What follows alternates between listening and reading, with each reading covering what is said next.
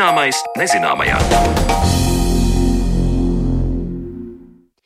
Esiet sveicināti! Savu ceļu pie jums sāk raidījums Zināmais nezināmajā.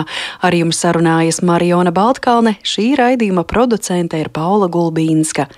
Pavisam nesen raidījumā stāstījām par vērienīgāko Latvijas dabas inventarizāciju, jeb dabas skaitīšanu. Tā atklājusi daudz kritisku faktu par Latvijas biotopiem un to, ka bioloģisko daudzveidību strauji zaudējam.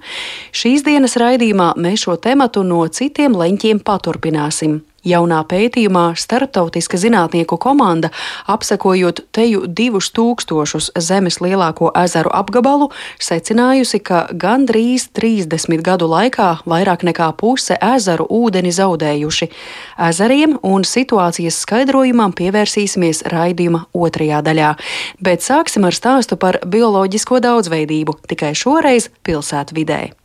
Bieži šķiet, ka pilsētvide ir sugām nabadzīga teritorija, taču rūpīgi ieskatoties tajā, kas ikdienā ir mums zem kājām un virs galvas, mēs mainītu šo priekšstatu. Starptautiskā bioloģiskās daudzveidības uzskaites kampaņā Eiropas Universitātes pat laban kartē sugas pilsētvidē. Kampaņa organizēta kā sacensība starp universitātēm, kartējot pēc iespējas vairāk un daudzveidīgākas sugas. Rīgā sugu uzskaitē piedalās arī Latvijas Universitāte. Universitāte, tādējādi pievēršot arī sabiedrības uzmanību bioloģiskās daudzveidības samazināšanās problēmai. Par augu sugu uzskaiti pilsētvidē un pilsētas pļavu nozīmi plašāk stāstīs Latvijas Universitātes ekopadomes locekle Gunta Kalvāne un pļavu eksperte Solvita Rūsiņa. Eiropas Dzīvības Zinātņu Universitāšu asociācija Startautiskajā bioloģiskās daudzveidības dienā 22. maijā atklāja pilsētvidē atrodamo sugu uzskaitas kampaņu BioBlitz Biodiversity Challenge. Kampaņas laikā 17 Eiropas universitātes no 13 Eiropas valstīm tieši universitāšu teritorijās uzskaita un kartē augu un dzīvnieku sugas. Viena no kampaņas norises vietām Rīgā ir Torņkalna apkaimē līdzās Latvijas Universitātes akadēmiskajam centram. Pie viena no izpētes laukumiem tiek tiekamies ar universitātes pētnieci un pļavu eksperti Solvitu Rūsiņu un ekopadomis locekli Guntu Kalvāni, kuras stāsta vairāk par projektu. Mēs šogad esam pirmo gadu un esam tādā izmēģinājuma režīmā. Divos lauka kursos studenti uzskaita sugas. Mēs vairāk koncentrējamies uz augiem šobrīd, un, bet cerams, ka nākamajā gadā papildināsim šo sarakstu. Nīderlandes universitāte, Vāgengenas universitāte, viņi ir šīs kampaņas iniciatori un organizatori, un viņi šobrīd ir uzskaitījuši 836 dažādas sugas tieši pilsētvidē, jo uzsvars ir tieši uz pilsētu, uz universitātes studentu pilsētu pilsētiņām, uz teritorijām, universitātēm apkārt, no kurām 368 ir augu sugas. Un tad tas jau arī liecina par to, ka patiesībā pilsētu vidē ir daudzveidīgi apstākļi un daudzveidīgas sugas, tikai jāprot tās ieraudzīt. Un mēs pirmo daļu jau veicu studenti pagājušajā nedēļā. Mēs esam identificējuši jau uzskaitījuši 63, bet tā kā tas ir tāds pilota pētījums testa režīmā, tad es domāju, 63 jau ir ļoti labs rādītājs. Tad liekas, liekas, tā uzmetot aci, liekas, nu, mēs varam redzēt divas vai trīs, bet, ja tā pieliecās un paskaita, tad var redzēt ar vien vairāk un vairāk. Pļauja eksperte Solvita Rūsiņa skaidro, ka kampaņas laikā studenti uzskaitījuši augu sugas nelielos parauglākumos nogāzē līdzās dabas mājai, kas arī parādīja nogāzes vērsuma ietekmi uz sugu daudzveidību. Šajā nogāzē, kas ir vērsta uz ziemeļiem un kur dabas māja aizsedz šo nogāzi gandrīz visu uh, dienu, izņemot, nu, lūk, tagad uh, mazliet pēcpusdienā daļai apspīdot, šeit ir pārlieku ēnains, lai sugas saglabātos. No tām sētajām sugām būtībā šeit ir kādas 4-5 saglabājušās, izdzīvojušas. Kamēr uz rietumu nogāzes tur joprojām ir uh, lielākā daļa no sugām, kas bija arī pirmajos gados. Uh, plus mēs neredzējām retu, bet mēs konstatējām, ka arvien vairāk izplatās invazīvās sugas, kuras ir jā, jāuzmana. Un, uh, un būtībā arī uh, akcijas rezultātā aizgājām un izravējām. Uh, šeit bija divas sugas - Kanādas zeltslotiņa un daudzlapu lupīna. Un, un tās tā braši nāk no dzelzceļa puses. Un, un izskatās, ka šīs nogāze nav spējusi pretoties šīm sugām. Pilsētas pļāva nav tik daudzveidīga un ekoloģiski funkcionāla, kāds savukārt ir dabiskais zālājs ārpus pilsētas, jo šeit pie universitātes sēkām nelielās pļāvas veidojušās viens septiņu gadu garumā, kas ir ļoti maz pļavas mūžā. 70 gadi būtu tā cienīgi, un, un mazliet vairāk par to. Un, un tad šo gadu desmitu laikā veidojas ļoti blīva vēlēna. Augu sugas sadarbojas ar mikroorganismiem, kas ir augsnē, un būtībā tās dabiskais zālājs ir buferis, kas neļauj izplatīties invazīvajām sugām. To mēs redzam Latvijas ainavā, ka tur, kur ir zālājs, ir ilgstoši sens zālājs, daudzus gadu desmitus uh, tiek uzturēts ekstensīvi ar pļaušanu un ganīšanu. Uh, šādās zālājos invazīvās sugas nespēja ieviesties. Viņas nespēja, uh, viņam pretī ir 50 sugas kvadrātmetrā, un viņas vienkārši nespēja iekonkurēt savu vietu, savu vietu iz, izcīnīt. Jā, kamēr šis septiņu gadu uh, puķu zāliens, uh, veidojoties par pilsētas pļauju, viņam vēl tāls ceļš ir priekšā. Tas gan nenozīmē, ka pilsētas puķu zālieniem nav būtiska loma bioloģiskās daudzveidības saglabāšanā. Šādas dzīvības saliņas pilsētvidē dažādām augu sugām no citām dabiskām pļavām un ganībām nodrošina iespēju migrēt caur pilsētu līdz vietām, kur atrodamas nākamās stabilās dzīvotnes. Piemēram, Rīga ir barjera, tāda biogeogrāfiska barjera, Rīgas līča lielai daļai sugu. Ja, jo, jo Rīga pati par sevi ir aizņēmusi praktiski visu telpu līdz pat jā, jūras krastam, līdz līča krastam. Un, uh, mēs zinām, ka Rīgai abās pusēs pie Baldarājas ir uh, aizsargājuma teritorija un arī Vecdaugava ir aizsargājuma teritorija. Un, uh, un būtībā šīs divas teritorijas ir izolētas tādēļ, ka pa vidu ir Rīga ar visu savu apbūvi un, un tādu dabisku teritoriju praktiski nav. Un šīs Vecdaugavas pļavas un Bolderājas pļavas nu, visdrīzāk arī jau jāsaka pētījumi nav, bet visdrīzāk ir tā, ka viņas nesatiekas, šīs sugas nesatiekas savā starpā.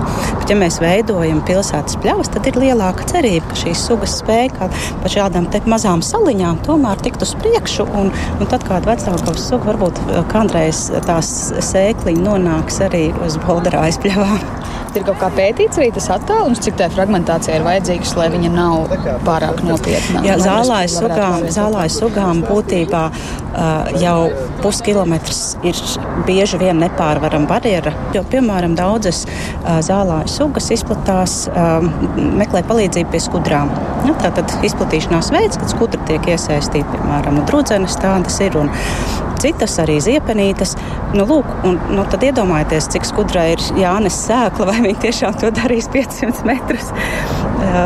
Un kādos apstākļos tur kādos apstākļos vēl, tā ir pilsēta. Un, uh... Jebkurai sugai pilsētvide ir izaicinājums, bet vienlaikus tas nav arī nepārvarams šķērslis, ja pilsētas plānojums ir bioloģiskajai daudzveidībai draudzīgs. Dažas dzīvnieku sugas uh, tiek skaitīts, piemēram, balodis, ir atradis pilsētā sev klintis, kuru nav Latvijā ārpusē. Ja? Nu, principā jau tomēr pilsēta ir kopumā nelabvēlīga vide savvaļas dabai. Un tad, ja mēs pilsētu plānojam gudri un uz, ar ekoloģiskiem principiem, un ja mēs ievērojam šos principus arī, kas nu šobrīd tātad Eiropas Savienības līmeņa plānošanā tiek uzsvērts šie 30% teritorija, kur savvaļas daba var attīstīties, un dabiskais zālājs zināmā mērā ir savvaļas daba, bet arī tā ir ļoti liela vērtība. Šajā pilsētvides uzskaitas kampaņā interese bijusi par katru sugu, jo pilsētvidē ir būtiski saglabāt parasto sugu daudzveidību, sākot ar margrietiņām un dažādām graudzālēm, līdz ceļtakām, sūrenēm un balandām, saka pētniece.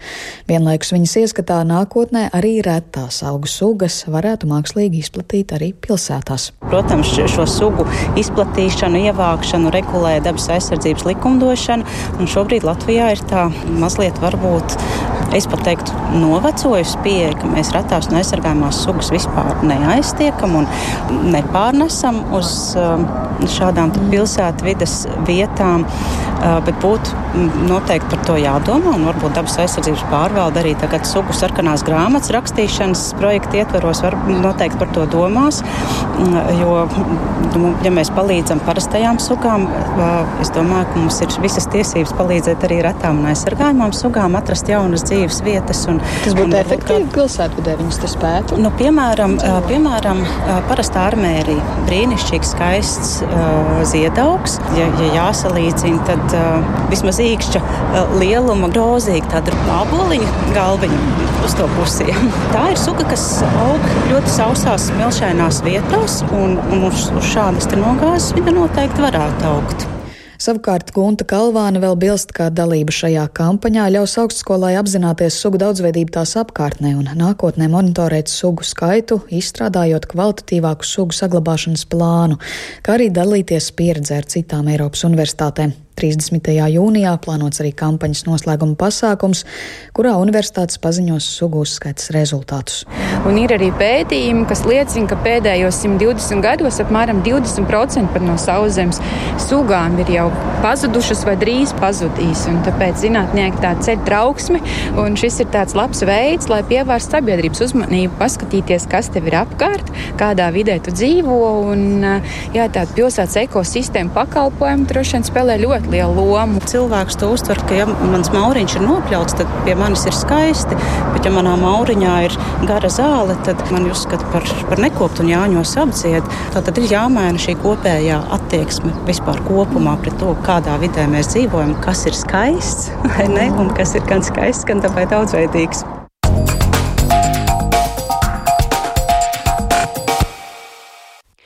Paldies kolēģei Sintijai Ambotei. Dzirdējām materiālu par kampaņu bioloģiskās daudzveidības uzskaitēji pilsētvidē, kurā iesaistījusies Latvijas Universitāte. Bet kāda aina veidojas apsekojot lielu daļu pasaules ezeru? Par to raidījumā pēc brīža.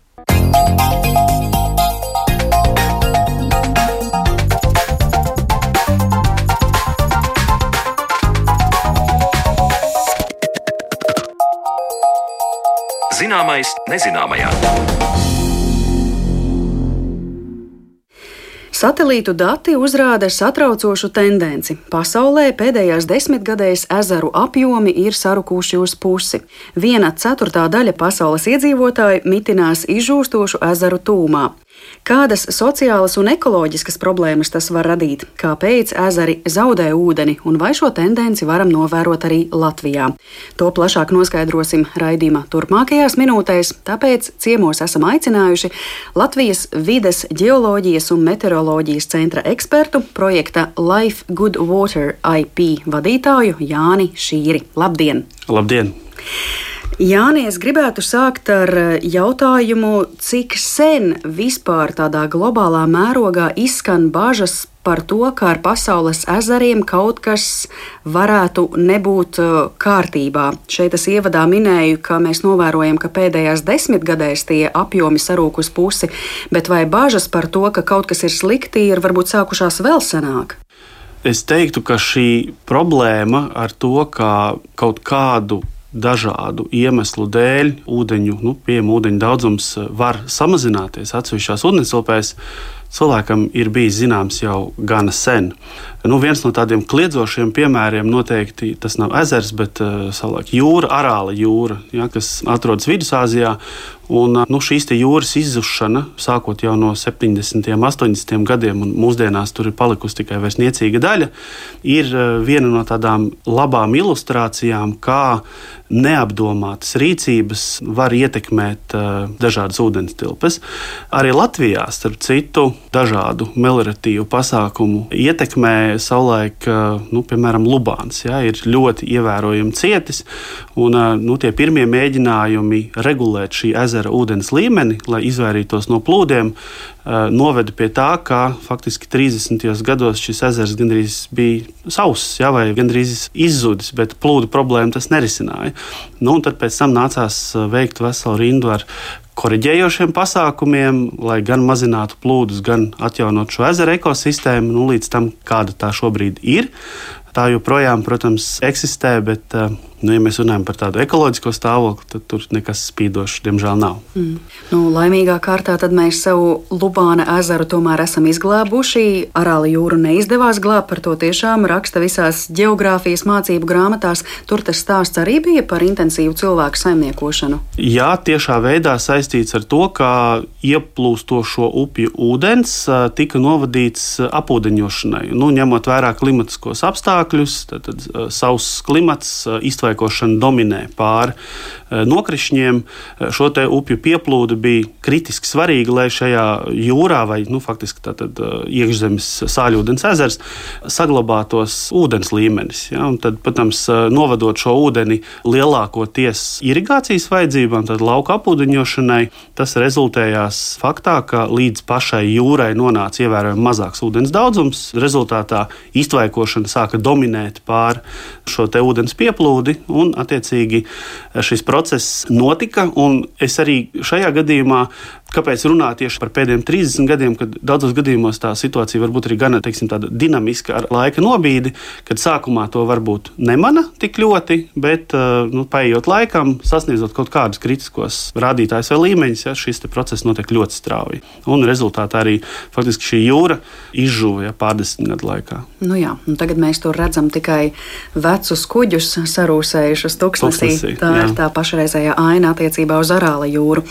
Bet, uh, ja mēs dodamies tālāk, es mūsu sarunas eh, ievadā minēju satelītu datus, kuri šobrīd uzrāda satraucošu tendenci. Un, ja mēs mazliet pieskaramies eh, pie šī pētījuma, kurā ir iesaistījušies vairāki zinātnieki, tad eh, ko viņi ir darījuši? Zinātnieku grupa ir analizējusi lielākos globālos ezerus, un tad izmantojot trīs gadu desmitus ilgus satelītu novērojumus, klimata datus un hidroloģiskos modeļus, ir konstatēti nozīmīgi ūdens krājumu samazināšanās apmēri par 53% no šīm ūdens tilpēm, un tas ir noticis laika posmā no 1992. līdz 2020. gadam.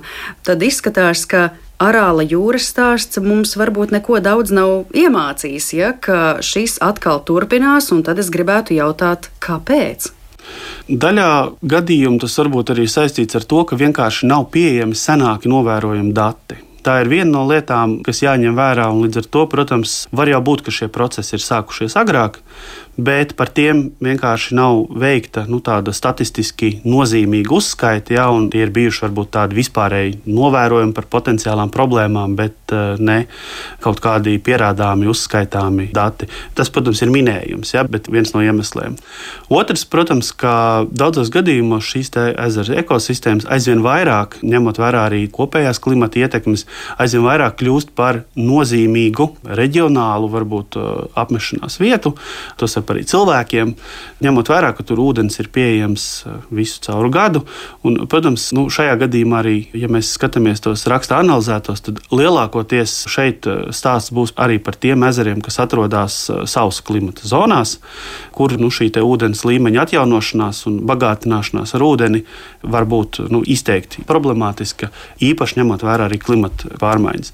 Nu, lūk, šajā kontekstā, protams, ņemot vērā, ka problēmas ir kaut kādā plašākā apkārtnē, cilvēki pārceļās tur, kur viņiem ir vieglāk dzīvot, labāki apstākļi, un tas var arī radīt pie papildus nu, gan ietekmēm, piesārņojums, slodzi uz ūdens resursu izmantošanu, lauksaimniecības zemes ap šiem ezeriem un tam līdzīgi jā, gan arī šī nu, nozīmība, kas ir sabiedrībai. Arī kā pārtikas avots, protams. Ezeri pirmkārt ir tiešām nozīmīgi tieši ar to, ka tie ir rezervārs, ja, kurš uzkrāja vai kurā glabājas apmēram 90% no visām saldūdens rezervēm šķidrā formā.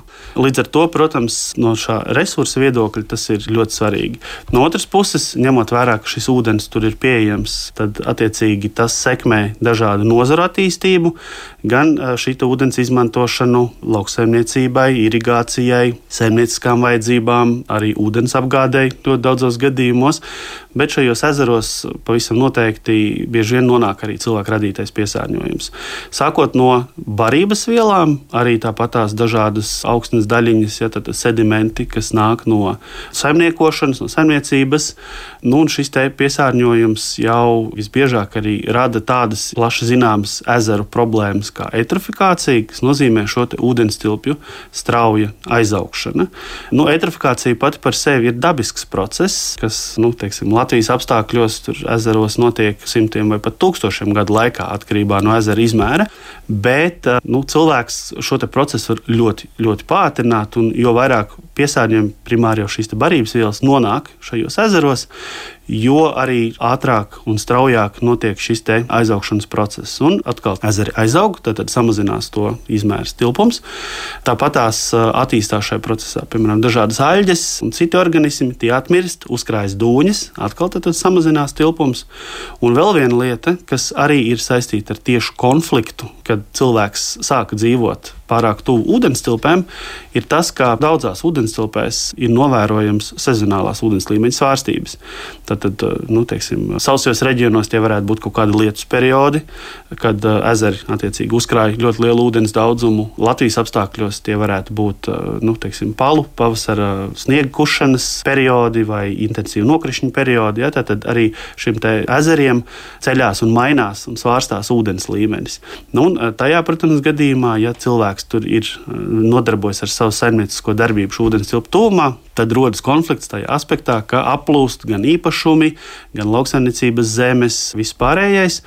Nu, tad ir tātad, viens aspekts, ir tas, ka ezeros nonāk vairāk piesārņojumu, bet otrs aspekts, ka, lai izvairītos no šīm problēmām, ezeros sāk regulēt ūdens līmeņus. Un, uh, ūdens līmeņa regulācija ir viens no tādiem nopietniem ļaunumiem, kas var ietekmēt ezera ekosistēmu, jo attiecīgi samazinās kopējais tilpums šai ūdens tilpē, kur tas ūdens vispār var uzkrāties. Un rezultātā arī šīs eitrofikācijas process var notikt daudz, daudz ātrāk, ūdens uzsils straujāk, barības vielas uzkrājas mazākā tilpumā, tātad lielākās koncentrācijās. Un, jā, rezultātā tas var nozīmēt arī gana strauju šo ekosistēmu nu, degradāciju, ja mēs tā varam teikt. Nu jā, ūdens līmeņa regulēšana, tad mēs atkal atgriežamies pie arāla jūras stāsta. Ja? Tostarp arī. Jā. Mm. jā, nu, līdzīgi kā jūs tikko aprakstījāt, tad eh, šis pieminētais pētījums un tas, ko zinātnieki skatījās par globālajiem ezeriem, tie rezultāti arī nenoliedzami uzrāda, ka eh, šīs pārmaiņas ar ezeriem, tātad tilpuma samazināšanās par 53% ir lielā mērā notikusi cilvēku saimnieciskās darbības dēļ, jo cilvēki patērē ūdeni, bet, protams, tas ir saistīts arī ar eh, klimata sasilšanu un iztvaikošanas dominēšanu pār nokrišņiem. Bet tad eh, es tā jūtu, ka jūsu stāstā tas cilvēku aspekts ir nu, tāds numur viens, un tikai pēc tam mēs runājam par klimata prasībām un pārmaiņām. Pavisam noteikti, jo cilvēks, kā jau teicu, šos te dabas procesus un dabas norises var ļoti ievērojami pātrināt.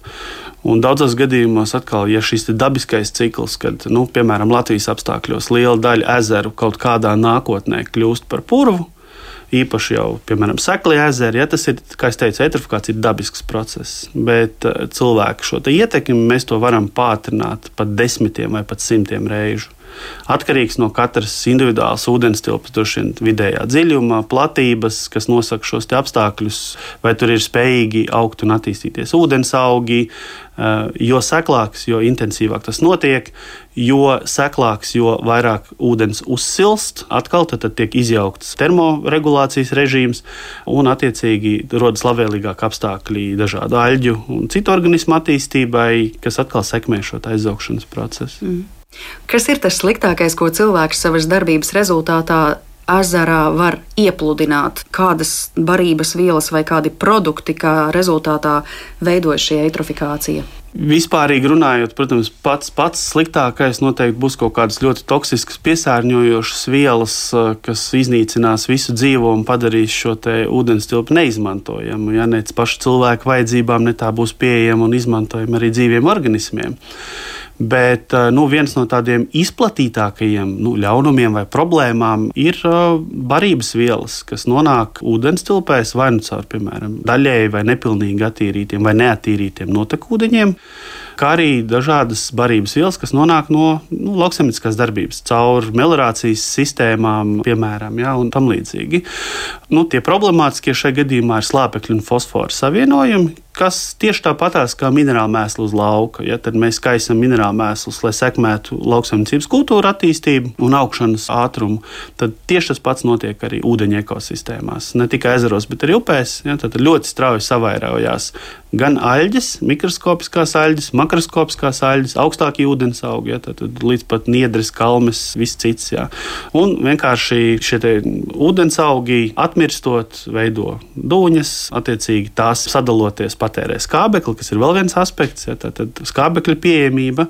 Un uh, dziļākos ezeros ir īpaši var novērot arī bezskābekļa apstākļus, piegruntes slānī, kas ir tieši saistīts ar šīs organiskās vielas sadalīšanos.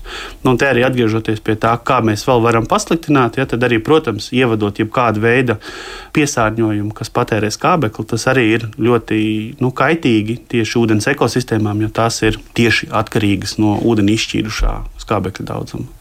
Tātad stāsts ir par tādu nu, prasmīgu saimniekošanu, par to, kā mēs organizējam lauksaimniecības darbus. Tā ir tā galvenā atslēga. Ja varbūt ne tik daudz tāda ikdiena, lai gan, protams, es ticu arī vienkārši izmesti atkritumi, jebkas, kas nonāk ezerā, to ietekmē, bet vairāk runa ir par tādu intensīvu saimniekošanu. Protams, nu, parasti jā, lauksaimniecība ir tāds uh, bubulis vai tā nozare, ko piesauc visbiežāk, bet arī notekūdeņi, ja, individuāli vai pilsētu apdzīvot vietu notekūdeņi. Ja, tā ir arī var būt ļoti nozīmīga problēma ir tāds ezers Limbažu lielezers, atrodas pie Limbažiem, arī ļoti, ļoti netīrs un piesārņots. Tieši dēļ tā, ka jau kopš padomu laikiem vēsturiski tajā ir tikuši nopludināti faktiski ļoti vāji attīrīti notekūdeņi, un rezultātā arī viss šī ezera ekosistēma ir pilna ar dūņām.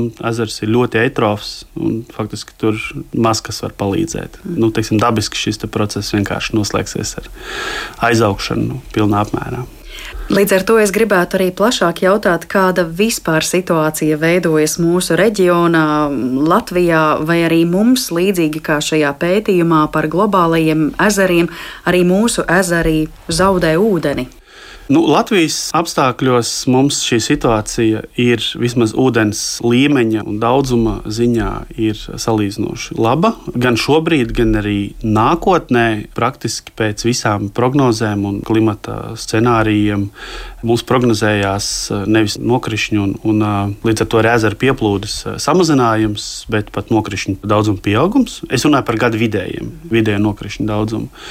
Tas nozīmē, ka visticamāk gada griezumā griezumā ūdens līmeņu samazināšanās problēma nebūs. Taču no otras puses ir jāņem vērā, ka klimata pārmaiņu rezultātā mums arī var būt novērojami izteikti, piemēram, sausi periodi, izteikti mazūdens periodi, kas arī rada potenciālu vismaz periodiski šai situācijai pasliktināties. Nu, tas arī, protams, līdz ar to nozīmē papildus nu, slodzi uz šīm ezeru ekosistēmām, īpaši jau, piemēram, vasaras periodos. Ja mums tā jau ir maz ūdens, mums šis ūdens izteikti augstas temperatūras rezultātā ļoti uzsilst, ja, tad atkal tiek radīti ļoti labvēlīgi apstākļi šī eitrofikācijas procesa veicināšanai. Ļoti strauji savērojās dažādas aļģes, augstāki ūdensaugi un tam līdzīgi. Tā kā nu, tā situācija nav viennozīmīga, ja, bet mēs nu, vismaz mūsu skatījumā jā, neskatāmies uz to pārāk optimistiski, jo tās ietekmes ir gan daudzveidīgas. Un tad, kad šīs klimata pārmaiņas notiek, tad visā šajā ūdens aprites sistēmā notiek pārmaiņas. Mēs runājam par šo vārdu eitrofikācija, bet tā ir droši vien tā tāda ķēdīte, kas skar soli pa solim visas organismu sistēmas. Ja tur ir aļģes, un droši vien arī zivīm ir sliktāka dzīvošana, nu, uz visu tas atsaucas. Viennozīmīgi tas ir jāuztver kā nozīmīgs stresa faktors, jo, attiecīgi, protams, pazemināt ūdens līmeņi vasarās nozīmē ne tikai ezeros, bet arī upēs ļoti zemus ūdens līmeņus, ja, kas nozīmē, ka nu, daudzām sugām, kas ir atkarīgas piemēram no tekoša ūdens, teiksim, lašveidīgās zivis, ja, viņām ir var būt problemātiski izdzīvot. Un, protams, kad uh, pazeminātie ūdens līmeņi visvairāk izpaudīsies tieši mazajās upēs. Un līdz ar to arī mēs varam runāt par ezeriem, runāt arī mazie ezeri vai sekli ezeri, kas jau tagad ir sekli. Tad, šīs ietekmes nu, periodiskas var šo stāvokli ievērojami pasliktināt. Man liekas, ka nu jau šobrīd ir pienācis tāds brīdis, kad, ja agrāk par tādām klimatu pārmaiņām mēs runājām, nu jā, tas varbūt tur Eiropā, Amerikas Savienotajās valstīs vai Austrālijā, tur deg meži un ugunsgrēki, tad eh, šī gada sākums mums sagādāja diezgan lielu pārsteigumu, kad mēs pa īstam to ieraudzījām arī Latvijā. Atcerēsimies Jēkabils stāstu, kas bija ar Daugavu, ja šie ziemas pali, un tur ļoti daudz eh, klimatu pētnieki teica, tas ir tieši pierādījums eh, tam, kas notiek vidē, tad bija silts, tad atkal bija augsts, tāpēc veidojas šie ledus vižņi, tad tas atkal kūst un tā rezultātā tad pali un plūdi.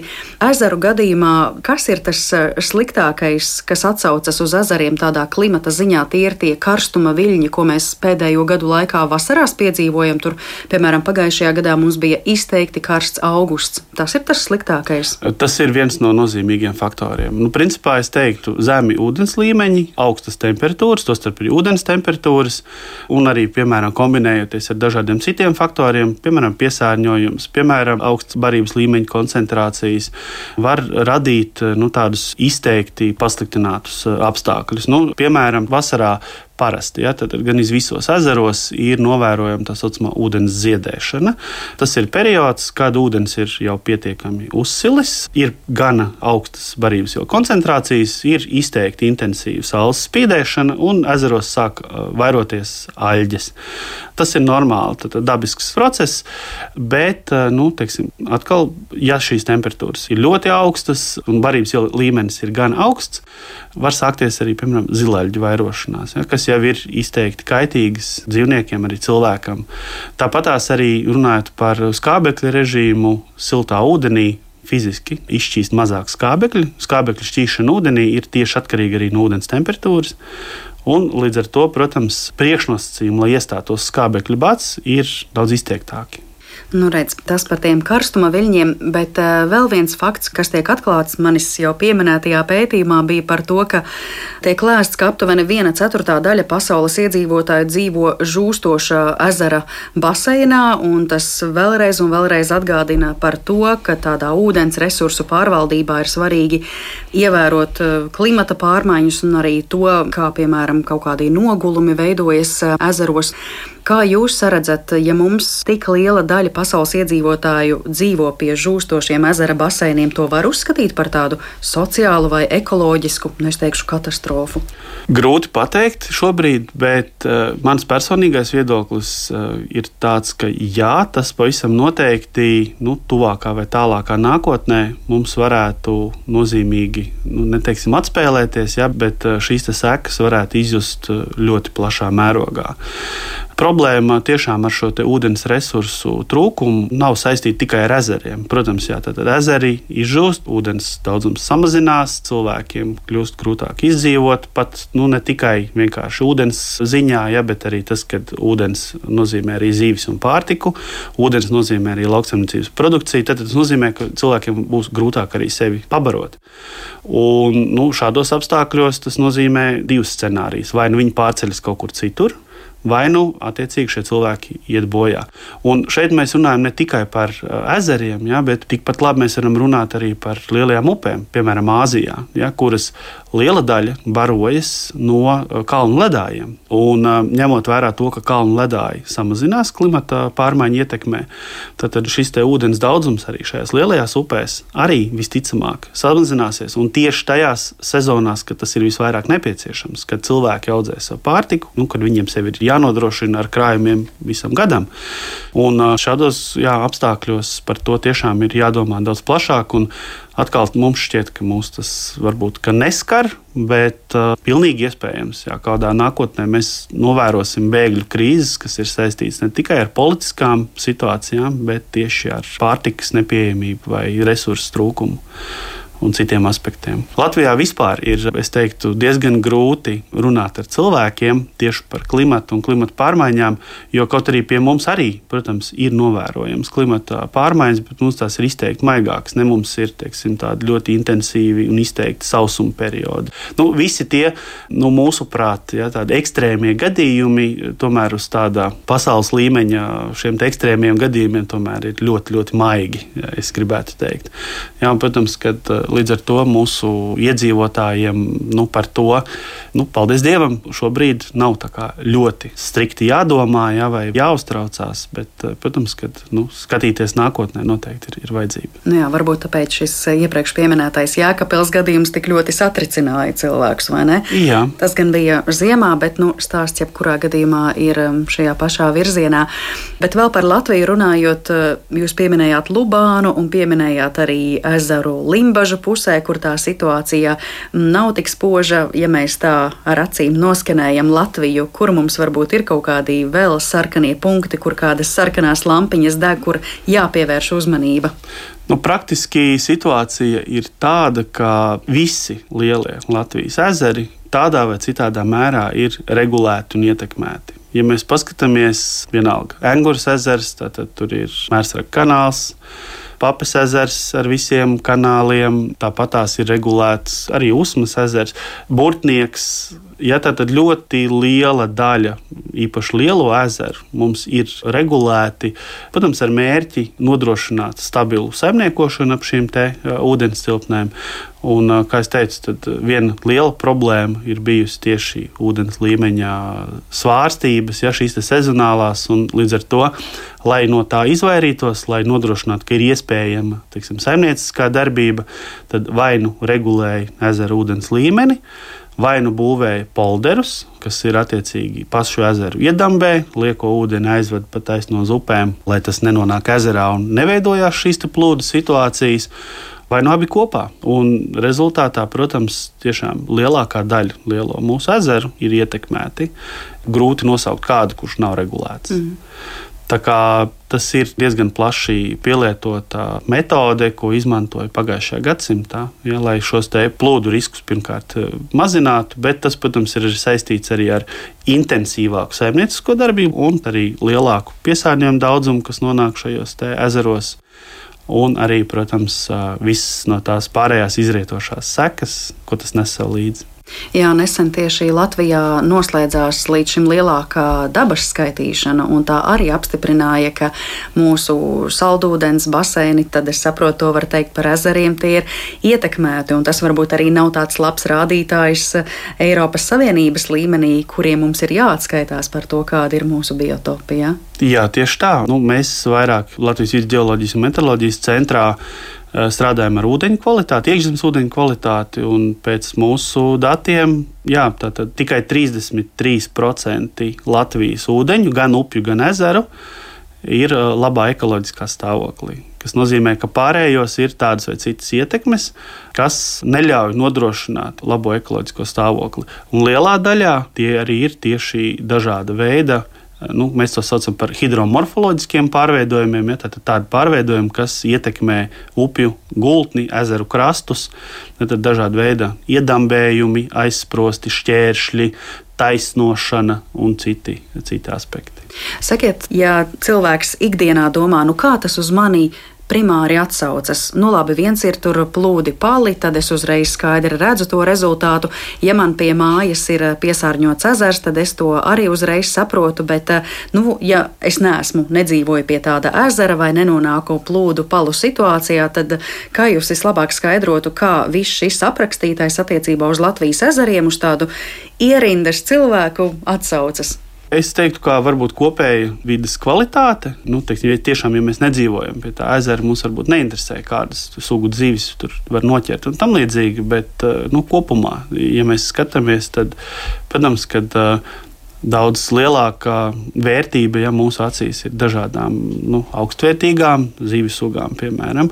Bet eh, tāpat laikā arī, protams, pasliktināt apstākļi nozīmē, ka izzūd arī daudzas retas augu sugas, kas ir mūsu Latvijas apstākļiem bijušas raksturīgas bet eh, tā vietā nāk vai nu dažādas invazīvas sugas, vai nu tādas, kas spēj izdzīvot uh, zemākas kvalitātes apstākļos. Nu, tad uz to kopējo skatoties, ja, tad lielais jautājums par to, kādu vidi mēs nodosim mūsu bērniem un mazbērniem, kādā stāvoklī, un vai mēs būsim darījuši pietiekami, lai šo vidi uzlabotu, noturētu tuvu tam dabiskajam vai nemainītam stāvoklim, Tas būs liels jautājums. Tas ir tas aspekts, par kuru katram būtu jāpadomā. Mm. Nu jā, tad, kad tas uz katru no mums sāk atsaukties individuāli, tad, kad tu dodies makšķerēt vai vēlies kā turists, kā atpūtnieks baudīt eh, skaistu ezera ainavu, jā, varbūt eh, tad uh, uz tevi tiešām sāk atsaukties tas, ka, oh, nu šeit nav tik patīkami tomēr pavadīt brīvo laiku, te es tomēr nevaru tādas zivju sugas